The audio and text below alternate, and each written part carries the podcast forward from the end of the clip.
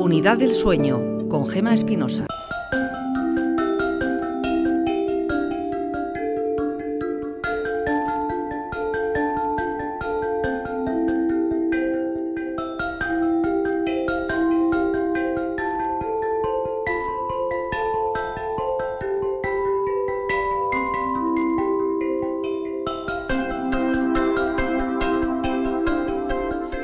Con esta sintonía se pueden hacer a la idea. Es un espacio en el que buscamos la tranquilidad, el sueño, el descanso, la reparación.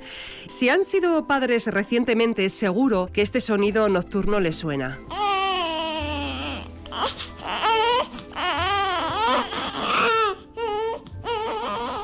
Bueno, les suena, incluso les molesta, sobre todo si están ustedes dormiditos desde hace un rato corto, pues molesta mucho. Hoy vamos a hablar del el sueño precisamente en los niños, niños y un poco más creciditos también. Carla Pía, médico especialista en neurofisiología, se formó en los trastornos del sueño en edad neonatal e infantil, también en un hospital de Londres y es su especialidad ahora mismo en la unidad del sueño de Osiaraba, siempre referencia para las unidades del sueño de todos los hospitales vascos porque a verlos hay, hay unidad del sueño en todos los hospitales. Si no me equivoco, sí, ¿no? En, sí. Ahí no, Álvarez. Egunon. Qué bueno. La única diferencia es que en nuestra unidad estamos más juntos todos de todas las especialidades y en otros hospitales pues igual hay dos unidades diferentes que tienen relación entre ellos, pero físicamente no están tan juntos. Ajá, por eso aprovechamos nosotros, que eh, es la unidad de referencia. Ainhoa Álvarez es neurofisióloga, lleva trabajando en la unidad del sueño más de una década, sí. más de una década, y eres eh, un poco la responsable también de insomnio. Así que de todo ello vamos a hablar hoy, muy atentos a estas eh, llamas. Pero antes de abordar el tema de hoy, el sueño en los niños, ¿se acuerdan? Hablábamos de los ronquidos y la apnea y de esa máquina que lleva mucha más gente de la que pensamos. A esta señora se la pusieron para dormir, pero ella se la quita durante la noche, así que la ha devuelto porque dice que no le vale para nada. Tengo apnea del sueño y me pusieron la máquina hace tres o cuatro años. Les tuve que decir que me la quiten pues porque por la noche, cuando yo me he dormido, me quito la máquina, me quito la mascarilla. Y claro, para no usarla, pues que la use otro. Y bueno, sí me levanto cansada, me levanto muy cansada, pero es que claro, para ponérmela y luego quitármela, me pasa también con los dientes, que me pusieron un aparato para no rechinar y el aparato me aparecía todos los días debajo de la cama. Entonces, claro, pues al final, ¿qué optas? Pues por quitarlo. Vamos, que esta señora por la noche tiene una actividad, le pusieron el aparato en, la boca y también la maquinita, CEPAP se llama, ¿verdad? CEPAP.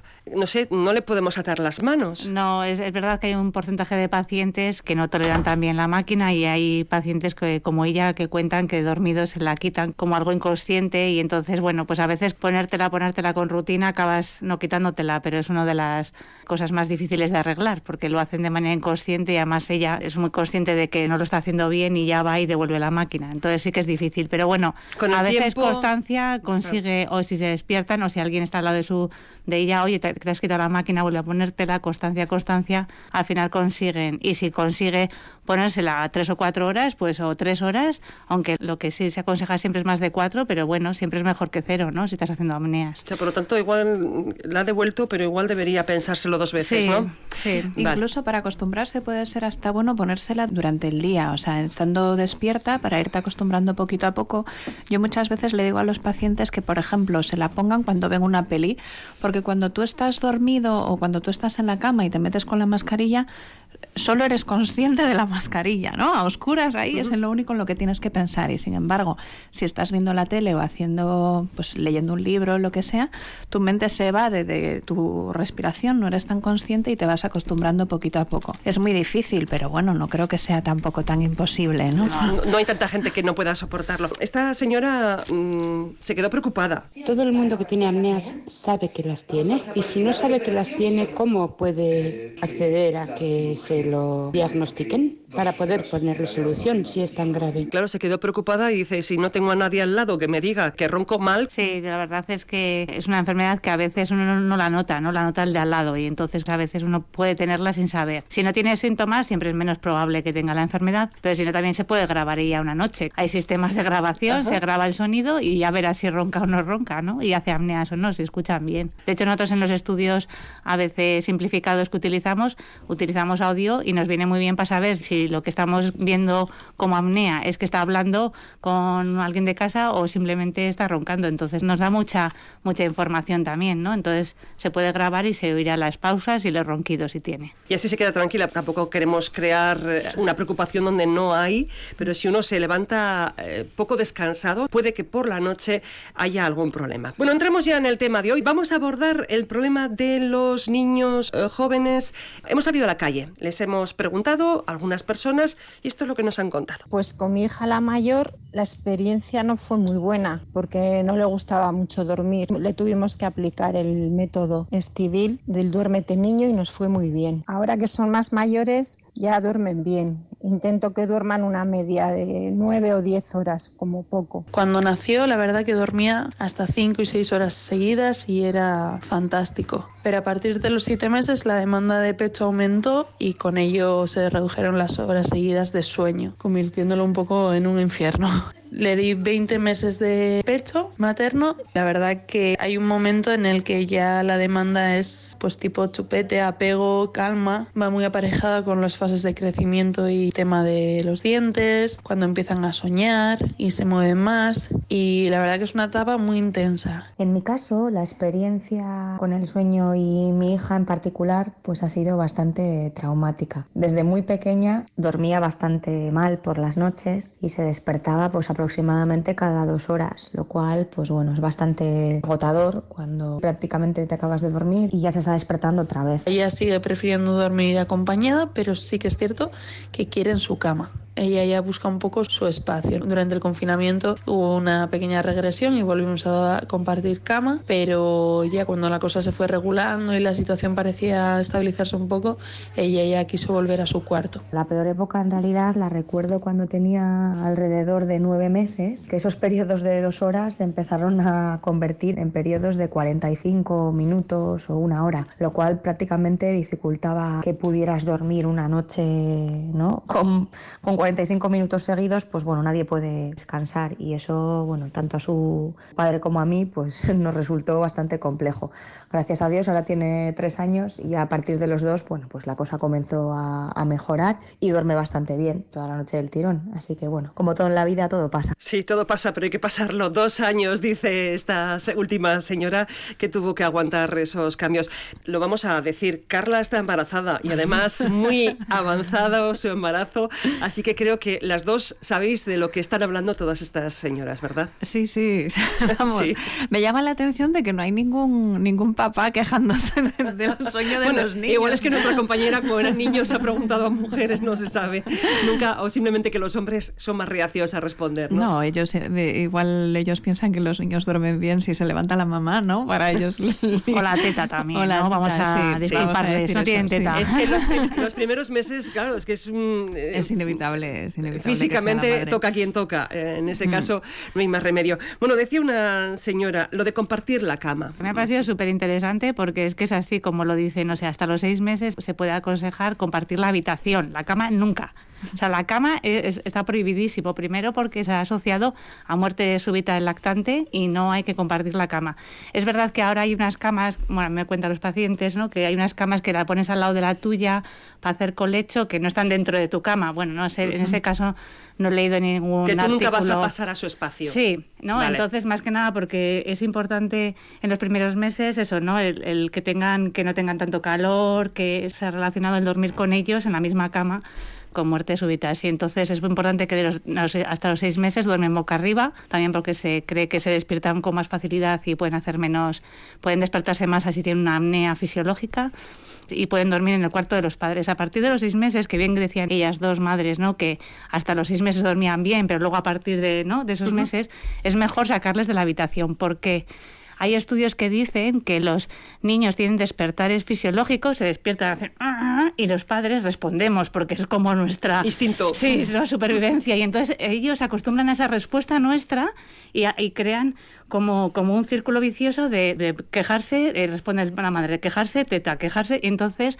hacemos que tengan insomnio. Es mejor que duerman en otra habitación para que no hagamos una respuesta tan inmediata y empiezan a acostumbrarse a dormir ellos con su independencia. Eso es a partir de los seis meses. seis meses compartimos habitación, a partir de los seis meses se va a otra habitación. Hombre, se pueden quedar tranquilos. El instinto maternal te hace despertarte también aunque esté el niño Y si llora mucho le escuchas, o sea, quiere decir que si pega o no gritos, pues los tienes que acudir, está claro. Pero se hace mm, mm, mm", que a veces hacen y nosotros ya estamos ahí, uy, la teta, ¿no? O sea, porque lo hacemos sin querer, que lo hemos hecho todas, ¿eh? Pero realmente eso hace que cree ese círculo vicioso. El cariño y el contacto no tienen nada que ver con estar 24 horas al día pendiente, ¿no? No, no, para nada. Además, a partir de los seis meses es la época ideal porque incluso la actividad cerebral durante el sueño ya se asemeja mucho más a la que tenemos de, de adulto. Entonces es un buen momento para empezar a enseñarle a los niños de la misma manera que les enseñamos a comer, a leer y a escribir, hay que también enseñarles a dormir y que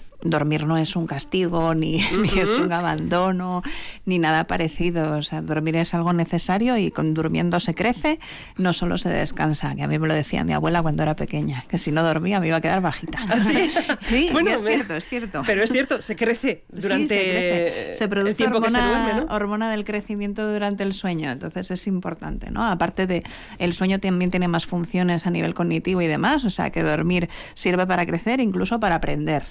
Eh, con los niños es una de, bueno, aparte de comer y beber, eh, en los adultos también, pero en los niños dormir para el crecimiento y la evolución del cerebro imprescindible, no solamente para crecer más o menos, mm. que es cierto, se crece eh, durante el tiempo, no sé por qué, si vosotros tenéis ese, dato, me lo, mm. me lo aportáis, pero ese es el momento en que nuestro cuerpo evoluciona más, ¿no? Sí, es muy importante para que se desarrolle el cerebro de manera adecuada y, todo lo que es la memoria y el aprendizaje. Si hay estudios hechos muy bonitos en los que, también con adultos, ¿no? Que en los que les enseñas una tarea y unos les dejas dormir y otros no, y al día siguiente, pues no, o sea, unos duermen más, otros menos, y los que han dormido menos no han aprendido la tarea. O sea, quiere decir que el dormir es fundamental para aprender y para el desarrollo. Entonces, en los niños que son, vamos, una bomba de aprendizaje, pues tiene que estar ese cerebro bien, dormir bien. También descansar, pero sobre todo dormir, porque el dormir es un proceso muy activo. Y, y también me ha llamado la atención la madre que decía que una vez que empezó a soñar, ahí está equivocada porque los niños ya en la tripa, como el de Carla,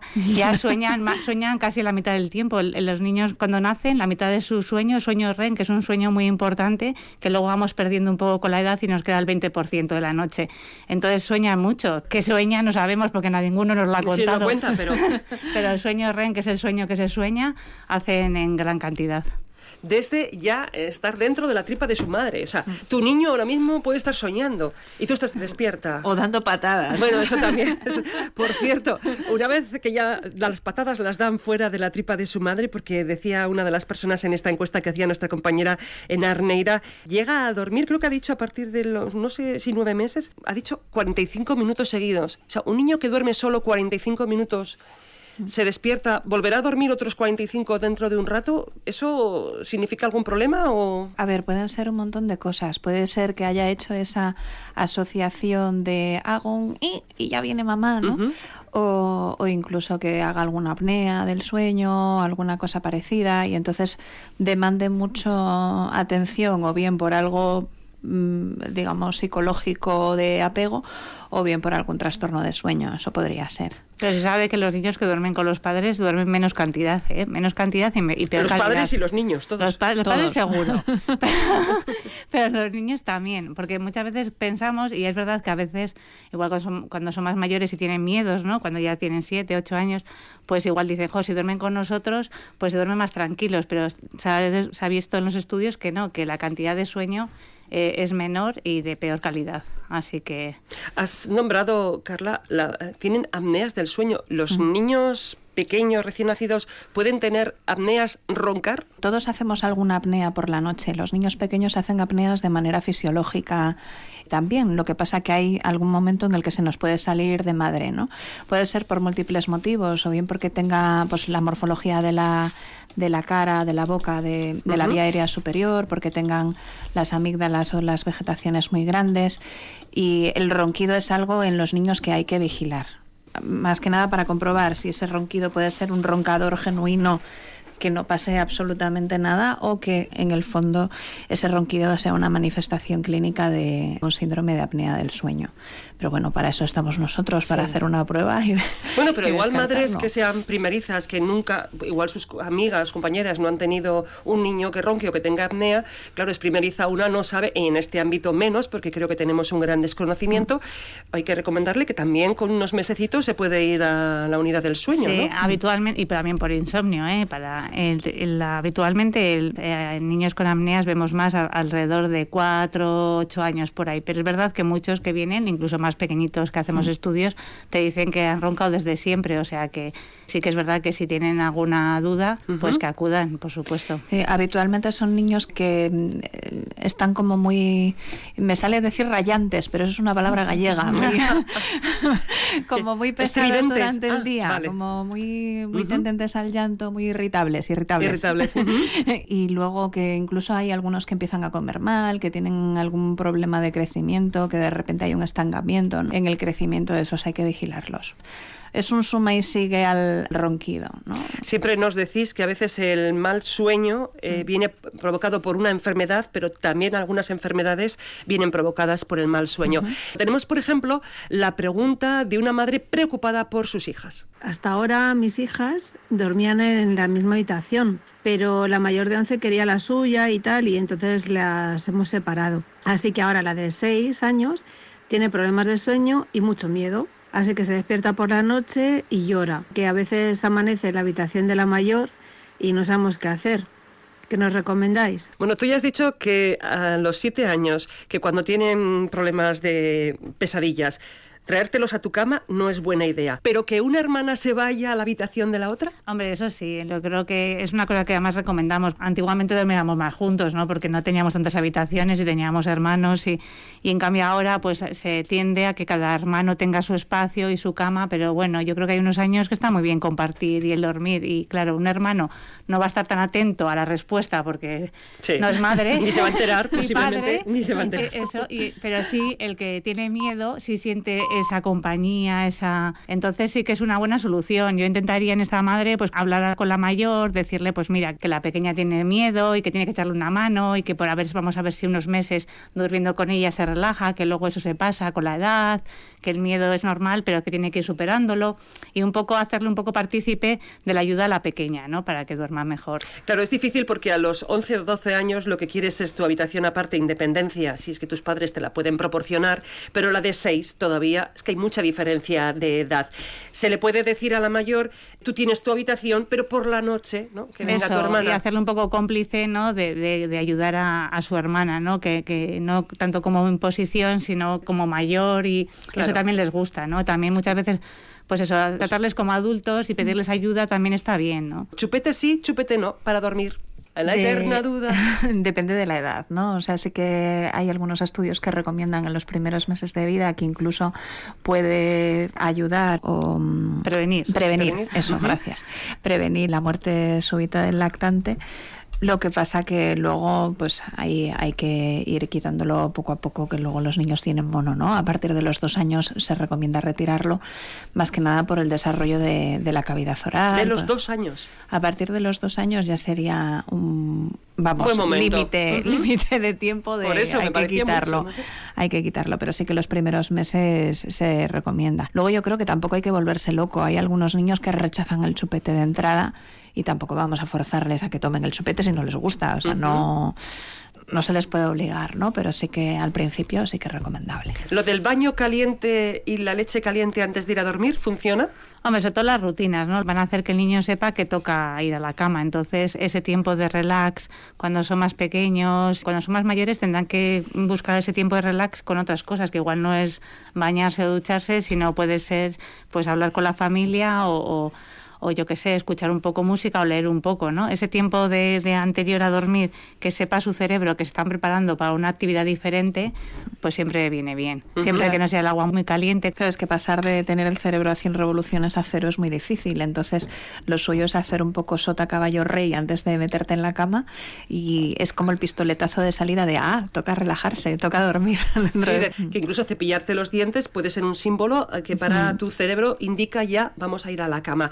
Recuerdo que me decíais que hay una edad después en la adolescencia en la que el sueño cambia, digamos que se retrasa, que aquello de que con ese adolescente se quiere ir a la cama más tarde porque quiere hacer ver la televisión o jugar algo. No, es que realmente el sueño de los adolescentes cambia, se retrasa.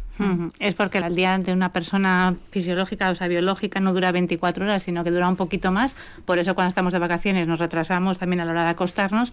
En los ancianos, y a veces es un poquito menos, pues adelantan la hora de acostarse. En los adolescentes, pues ese poquito más es más, ¿no? 24, Todo es más. No recuerdo el porcentaje, pero 24,6 o lo que sea. Entonces, claro, tiende su cerebro tiende a, a producir la melatonina más tarde y tienden a dormirse más tarde y por eso tienen un retraso de fase fisiológico que decimos nosotros porque está dentro de su forma de, de vivir, ¿no? O sea, es que así le manda el cuerpo. Claro, y así les cuesta más por la mañana arrancar y tener clase de matemáticas a primera hora es lo peor. Claro, es curioso, las clases siguen empezando a la misma hora, pero hay una edad en la que podíamos empezar por gimnasia y matemáticas o la literatura dejarla para segunda hora, ¿no? Sí, sería, sería lo ideal, empezar con una actividad física que ayude a, a activarte, sería lo, lo, suyo, y luego dejar las eh, asignaturas que son como más de alta demanda intelectual para a partir de las 10 de la mañana, una cosa así, donde ya estamos todos más espabilados. Yo lo recuerdo del instituto. Nosotros teníamos dos horas de clase y luego un primer recreo y hasta que no empezaba, vamos, a mí me costaba aquello, abrir los ojos. Y, y luego y mira qué lista ha salido. Pues si es que dormía bien, era lo importante.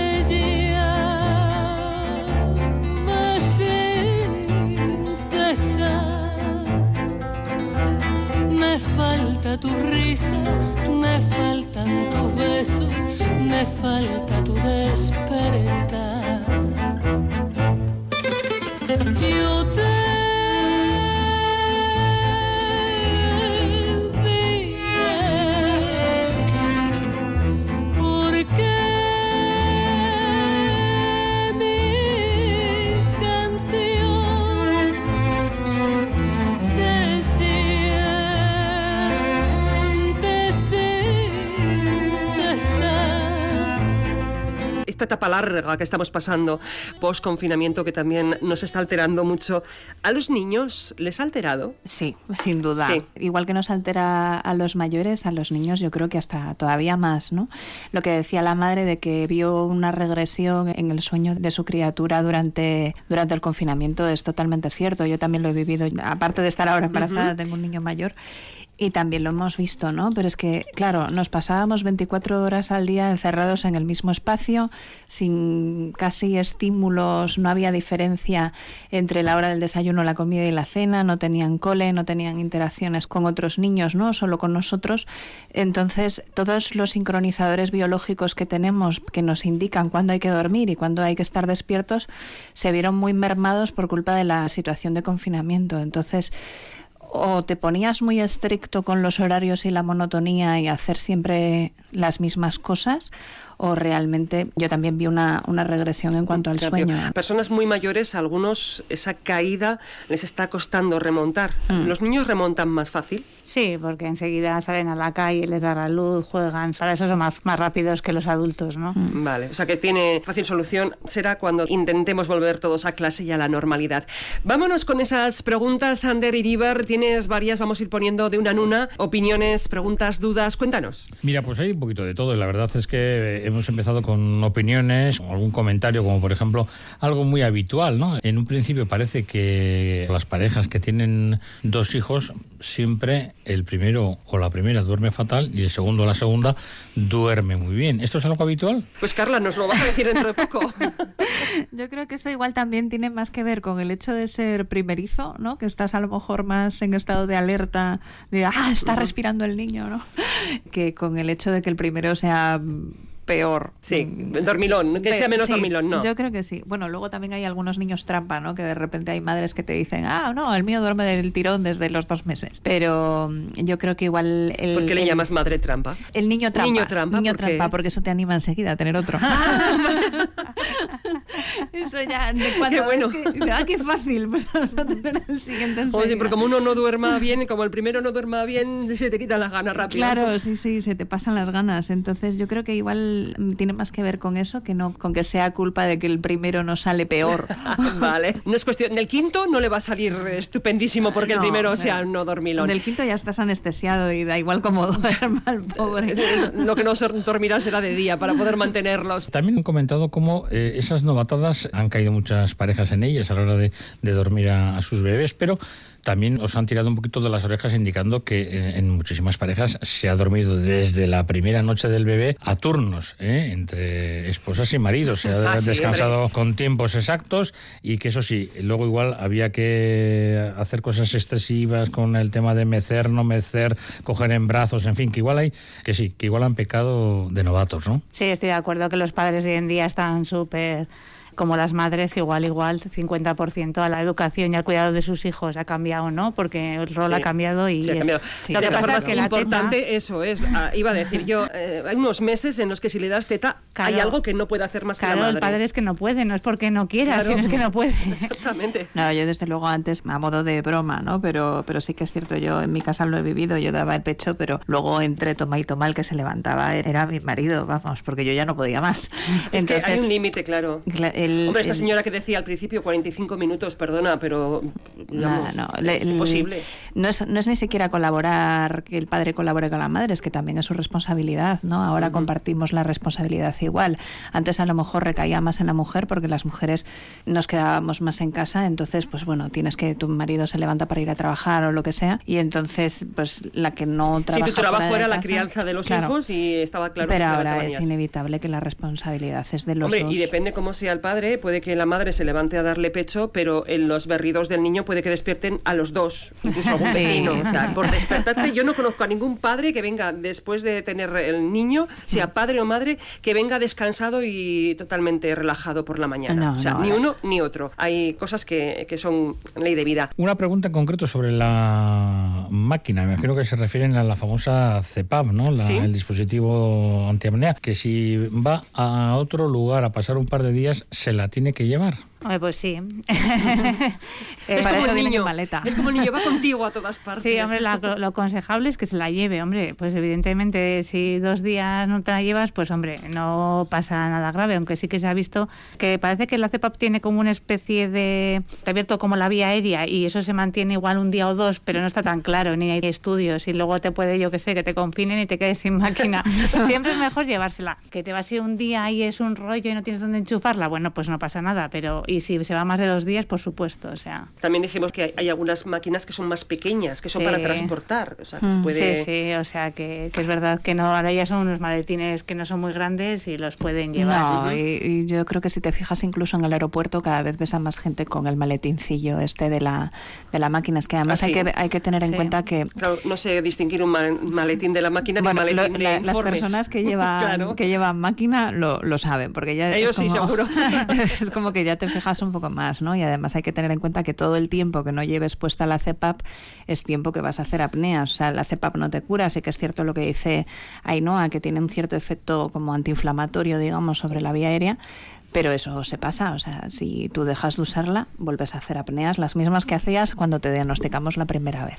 Y además es importante pensar que uno se va de vacaciones y parece que desconecta del mundo. No, porque si tú te vas de vacaciones, no te llevas la CEPAP, no descansas bien, vas a estar cansado. Incluso aunque estés de vacaciones, vas a estar cansado durante el día. Es que no te compensa, ¿no? Dejarla en casa. No, no, porque va- el sueño va a estar mucho más fragmentado y, y vas a estar peor, o sea que en principio mejor que la lleven. Ander, Sí, esta tiene miga, ¿eh? Yo quería deciros que mi hijo duerme conmigo. Punto. El problema es que tiene 21 años. ¿En la misma cama o en la misma habitación? Supongo Porque en la misma casa, habitación. en la misma Bueno. casa hay muchos de 20 años que viven en la misma casa. Hay, pero- hay una corriente, es verdad, que, que va un poco en contra de lo que pensamos los expertos en sueño, que es el colecho. Estamos- colecho, el colecho. a los 21. Bueno, el colecho es mm, colecho, que decir cama grande y todos los hijos contigo. No sé hasta qué edad, pero sí que hay casos de 14, 15 años que siguen durmiendo con los padres. Y al final es una filosofía. Yo ahí no me voy a meter si es bueno o malo. Lo que sí se sabe es que Si si, se tú descansa, menos. Sí, sobre todo en las edades tempranas y luego también que mm, si tú es una decisión el colecho, pues parece que no es tan malo como si el colecho es porque el niño duerme mal. O sea, es como que con- si el niño duerme mal, es como que estás alimentando el insomnio. En cambio, si es una decisión personal, como el que dice, mira, yo unos duermen con la pareja y otros no, ¿quiénes somos nosotros para decir que está bien y que está mal? Pero bueno, pues ya está, es una decisión propia y que Hombre, tampoco... a ver, yo me he asombrado y Ander ha hecho muy bien diciendo punto, porque yo me he asombrado, pero no porque duermas en la misma habitación como si duermes eh, alternando a cama caliente, que se suele decir, uno se levanta y otro se acuesta. Lo que me preocupa es que con 21 años ese hijo puede roncar, tiene pesadillas. Quiero decir, si puedes evitar todo eso, ¿no? Pero es como una filosofía de vida que tienen, o sea, el... Es como volver Mantener la cercanía. origen, ¿no? Eh, eh, Ese, ese es un asunto interesante porque otros oyentes que nos están hablando de todo eso y nos recuerdan que, por ejemplo, los japoneses duermen todos en la misma habitación hasta que los niños son bien mayores. Este oyente nos dice que no está de acuerdo con que el bebé debe salir del cuarto a los, A los seis meses. ¿eh? Dice que también que no todas las madres acuden al primer ruido y aún así algunos bebés se despiertan y piden contacto. Hombre, hay, varias cosas. Primero, por supuesto, en los estudios no se hacen todos. Lo que se hace son, en este, por ejemplo, estudio que comentaba yo antes, eran 200 y pico familias en los que se estudió y se vio que los niños que dormían con los padres dormían peor que los niños que no dormían con los padres. Casos individuales, por supuesto, va a haber. No tenemos el 100% de la sabiduría de lo que es mejor hacer. Y estoy totalmente de acuerdo. Cada civilización duerme diferente, ¿no? Hay algunas eh, tribus eh, que duermen las mujeres por un lado y los hombres por otro. Y algunos apuntan que durante milenios los humanos han dormido todos juntos. Claro, claro. Sí, pero no teníamos la estructura de sociedad eh, ni de casa que tenemos hoy en día, ¿no? Claro, yo, por ejemplo, Ni los ruidos externos, ni tantas cosas. Incluso en la pareja, por ejemplo, y a veces tenemos en la consulta mujeres que vienen quejándose de que el marido ronca, no tienen apneas, pero roncan. Pues a veces si tienes otra habitación, a mí no me parece tan descabellado que cada uno duerma en su habitación, en su cama.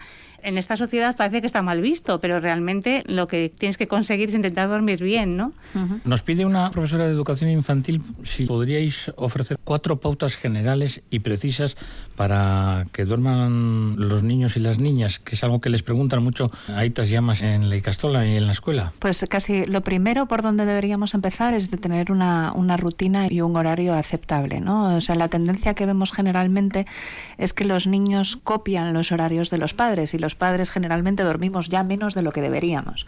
Entonces, un niño necesita, pues, dependiendo un poco de la edad, ¿no? Pero más de ocho horas al día, sobre todo en edad infantil, necesitan. Entonces, hay que, hay que acostarse temprano y luego pues levantarse siempre a la misma hora. Hacer una rutina antes de acostarse, lo que decíamos antes para activar un poco el chip del cerebro y decir ahora toca dormir.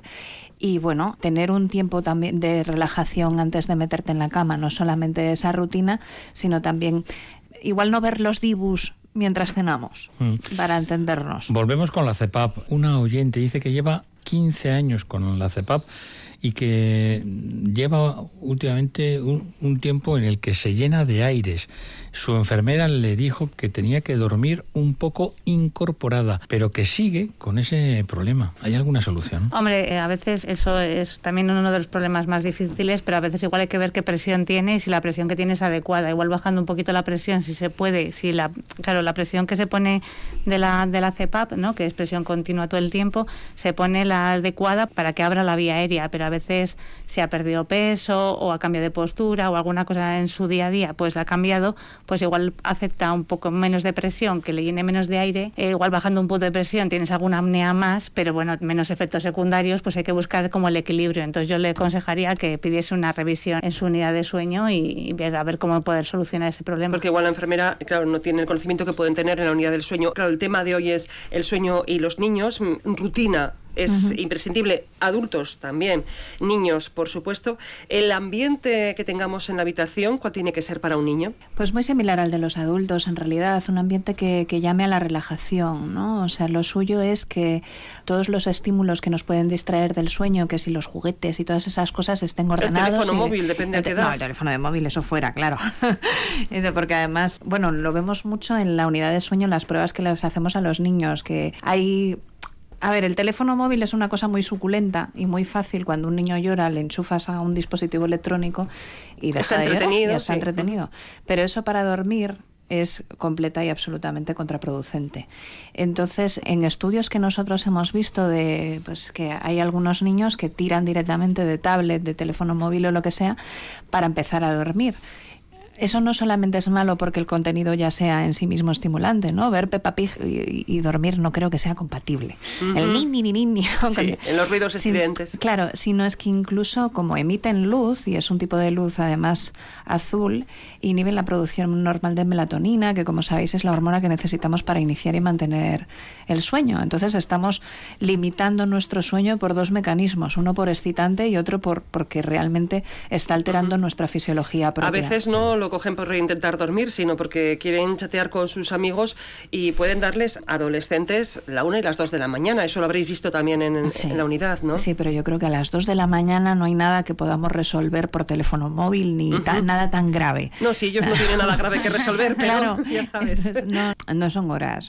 Cada, cosa tiene su, su momento. Una cosita más, solamente si no duermen, llevamos esa rutina con el niño, no duermen, traértelo a tu habitación puntualmente y cuando se duerme llevártelo a otra cama o a otra habitación, no. así alimentamos, si hacemos que eso sea la norma, al final va a ser la norma, ¿no? Hay que cortar aprovechan cualquier cortar esa cadena en, en, Que no quiere decir que no lo hayamos hecho todos. ¿eh? Sí, sí, sí, sí, porque que aquí no, que somos personas y a veces dices, mira, que tengo que trabajar mañana, vente, mete la cama y duerme, pero ya no puedo más.